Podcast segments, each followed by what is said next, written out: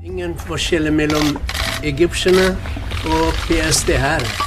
I 17 år har mulla Krekar vært utvist fra Norge av hensyn til rikets sikkerhet. Men han har ikke blitt sendt ut før torsdag. Ja, Da er det slik dere at eh, Krekar ikke lenger er i eh, Norge.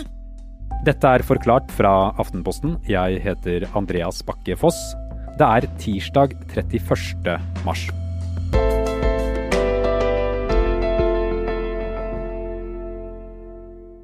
For 13 år siden begynte jeg som journalist i Aftenposten. Og siden starten er saken om og mot mulla Krekar en av de sakene jeg har jobbet mest med. Hallo. Hallo, Kadafi. Hei, du! Kadafi Saman i TV 2 er en god kollega av meg.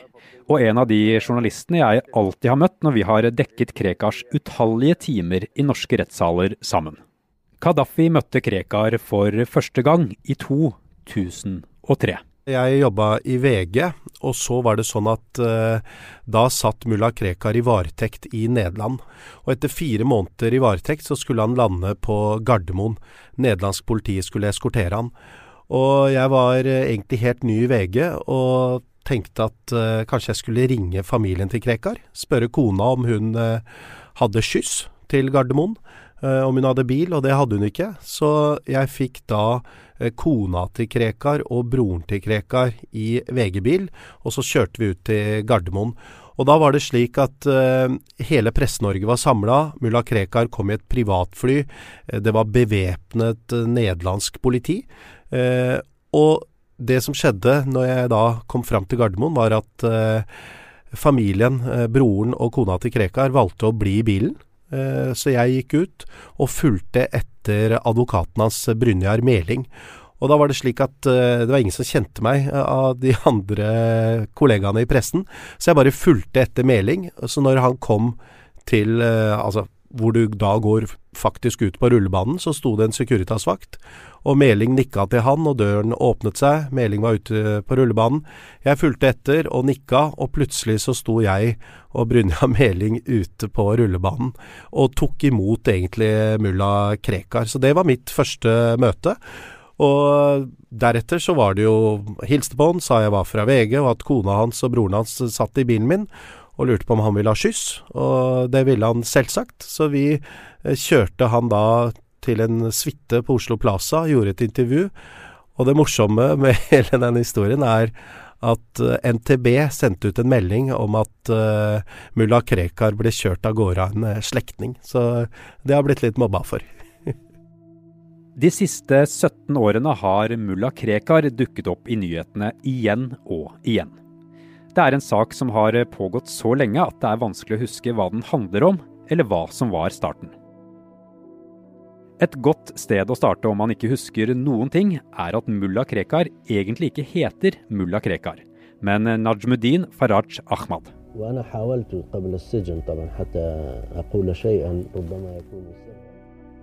Han er 63 år gammel og er kurder fra Nord-Irak.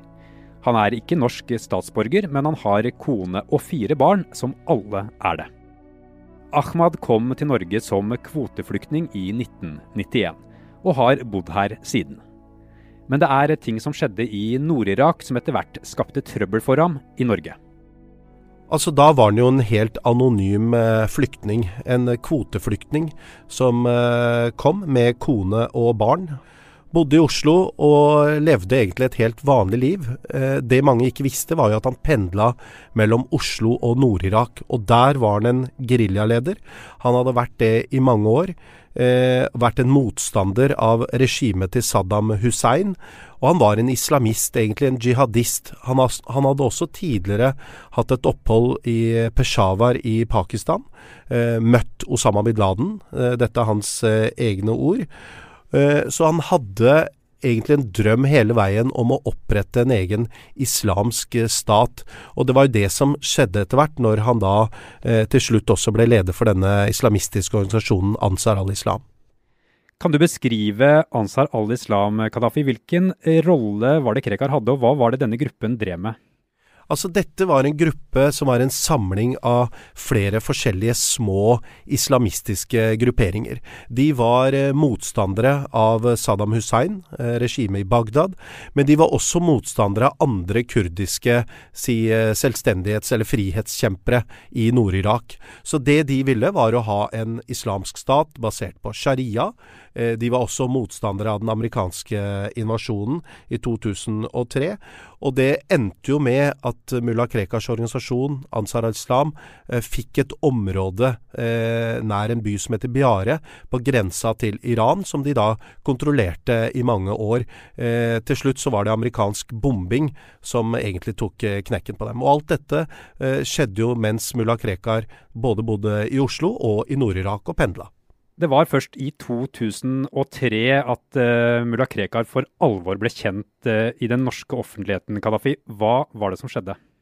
Det som skjedde var at NRK Brennpunkt lagde en dokumentar om denne mannen med skjegg som bodde og levde en anonym tilværelse i Oslo, mens han da var en frykta eh, geriljaleder i Nord-Irak.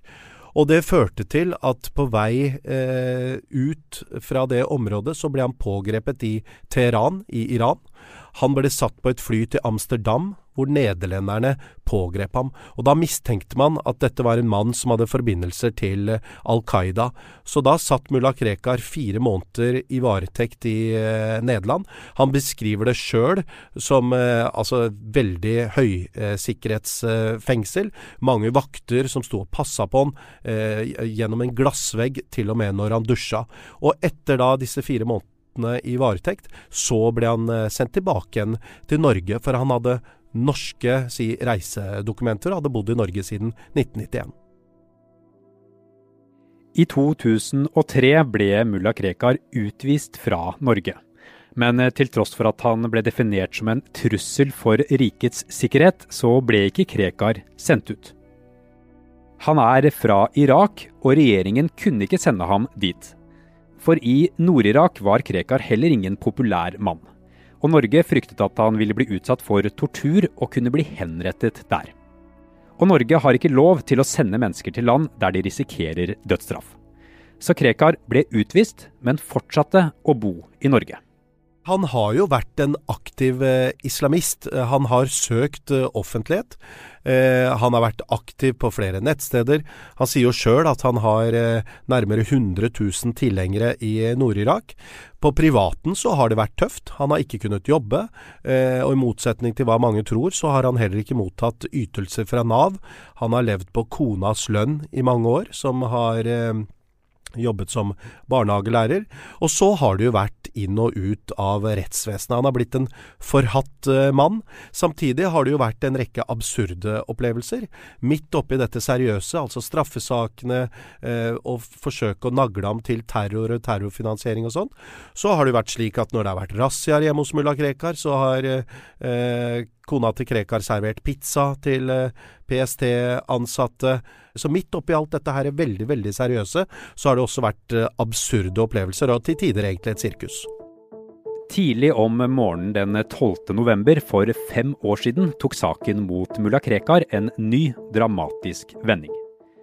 Da ble han fraktet ut fra sin egen bolig av norsk politi. Men ordren om å pågripe ham kom fra et helt annet land. Vi er straks tilbake.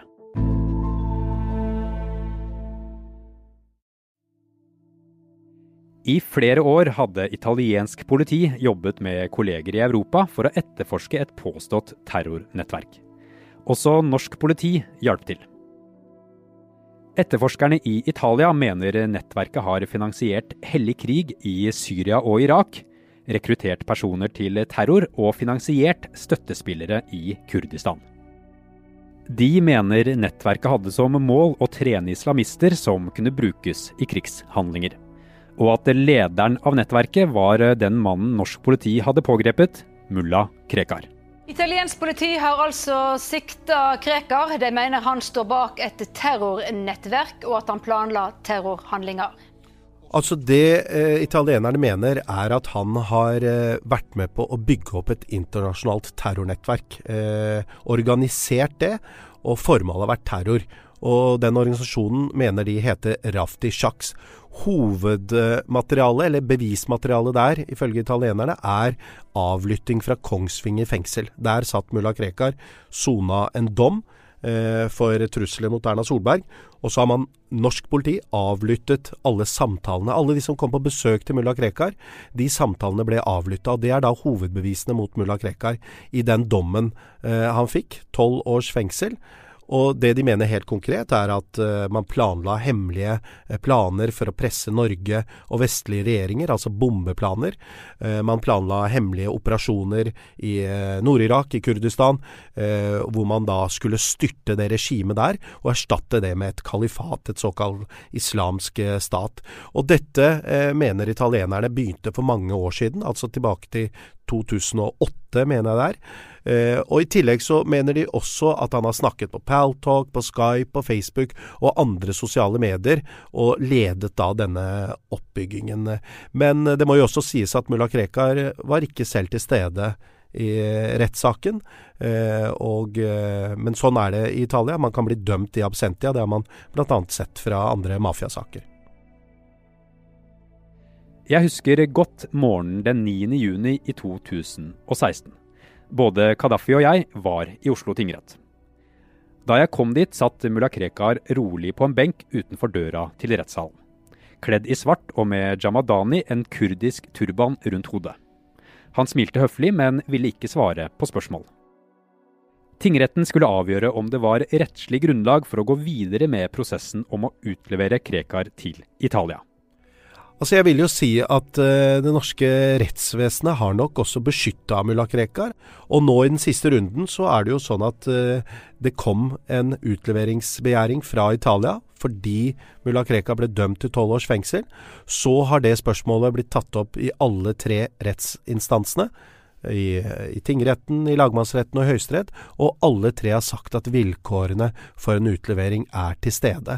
Og så har eh, spørsmålet gått til Justisdepartementet, landa på samme konklusjon, og ikke overraskende så har da kongen i statsråd, altså regjeringen, også sagt det samme. Så på mange måter så kan man jo si at mulla Krekar har fått veldig, veldig mange sjanser eh, i alle disse årene han har vært i Norge, eh, men han selv har jo heller ikke gitt seg. Han har på en måte sagt at det han eh, har sagt er innafor ytringsfrihetens grenser, at det ikke er trusler osv. Og, og han benekter jo også da uh, det, denne dommen fra Italia, sier at han er uskyldig, at han ikke har hatt noen planer om å bygge opp et internasjonalt uh, terrornettverk. Etter rundene i retten i Norge ble det klart at Krekar kunne utleveres. Og torsdag kalte justis- og beredskapsminister Monica Mæland inn til pressekonferanse. Ja, Da er det slik dere at eh, Krekar ikke lenger er i eh, Norge. Krekar er nå i dag utlevert til eh, Italia. Mulla Krekar var satt på flyet ut av Norge. Ja, det som skjedde var at mulla Krekar ble vekka på cella si i Oslo fengsel, hvor han da eh, satt i varetekt eh, pga. utleveringsbegjæringen fra Italia og han ble eh, ført av eh, tjenestemenn fra Politiets sikkerhetstjeneste til et fly og ble sendt til eh, Italia. Og på mange måter så var dette ventet, siden både domstolen hadde gitt grønt lys og regjeringen hadde gitt grønt lys. Og det er nok pga. koronasituasjonen at det ble utsatt eh, noen dager. Og så er det jo også sånn at etter at uh, kongen i statsråd hadde sagt ja til utlevering, så hadde man fire uker på å iverksette det vedtaket. Så det kan jo også skyldes kanskje det, da, at man fikk uh, hastverk. Ja, det er en skammens dag. Det er en skammens dag for PST, for Nasjonale statsadvokatembetet, for Riksadvokaten, for regjeringen, for departementet, for domstolen. Eh, og det er sånn man lager faktisk et justismord eh, på best mulig måte. Man pulveriserer ansvar slik at ingen trenger å ta ansvar for det som er gjort. Og alle kan, som Pilatus gjorde, vaske hendene sine. Etter at mulla Krekar hadde landet i Italia torsdag, brukte forsvarer Brynja Meling sterke ord for å beskrive det som hadde skjedd. Og han mente tidspunktet for utsendelsen midt i koronakrisen ikke var tilfeldig. Eh, Istedenfor så bruker man det og den oppmerksomheten koronaviruset tar til å gjennomføre et justismord, eh, uten at man får den oppmerksomheten som det fortjener. Hva er det som venter han i Italia nå fremover? Eh, For det første så blir jo det nå en ankerunde. Og Det blir interessant å se når den eh, starter, og så blir det jo spennende å se hva som kommer til å skje med mulla Krekar i mellomtida. Hvilket fengsel kommer han da til å sitte i varetekt? Det er ikke sikkert at det blir det fengselet han er i nå. Kommer han da til å ende opp med uh, store mafiosos, uh, for å si det sånn? Eller kommer han til å være ute på gata i påvente av en ankebehandling? Det får jo den italienske rettsprosessen eh, vise. Og så er det jo interessant om dommen på tolv år blir stående. Eh, han kan jo bli frikjent, eller han kan få en kortere dom. Hva skjer da? Og det eh, lurer jeg veldig på.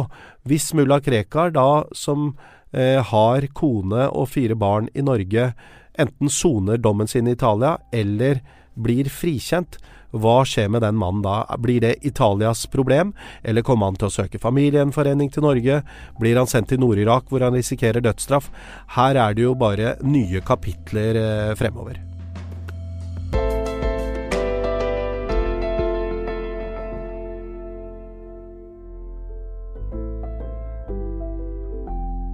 Forklart lages av Caroline Fossland, Anne Lindholm, Fride Næss Nonstad, Kristoffer Rønneberg og meg, Andreas Bakke Foss. I denne episoden har du hørt lyd fra NRK, VGTV og regjeringens nett-TV. Hvordan vil du beskrive livet med barn? Det er eh, til tider ekstremsport. En eh, barneoppdragelse full av bekymring. Og så føler jeg jo nå er jeg mislykket som mor. Men nå skal vi hjelpe deg. Så ikke føl noe skam eller noe nederlagsfølelse om akkurat ditt barn eh, går i bro. Hør podkastserien Foreldrekoden med Hedvig Montgomery i din podkastspiller eller via ap.no slash foreldrekoden.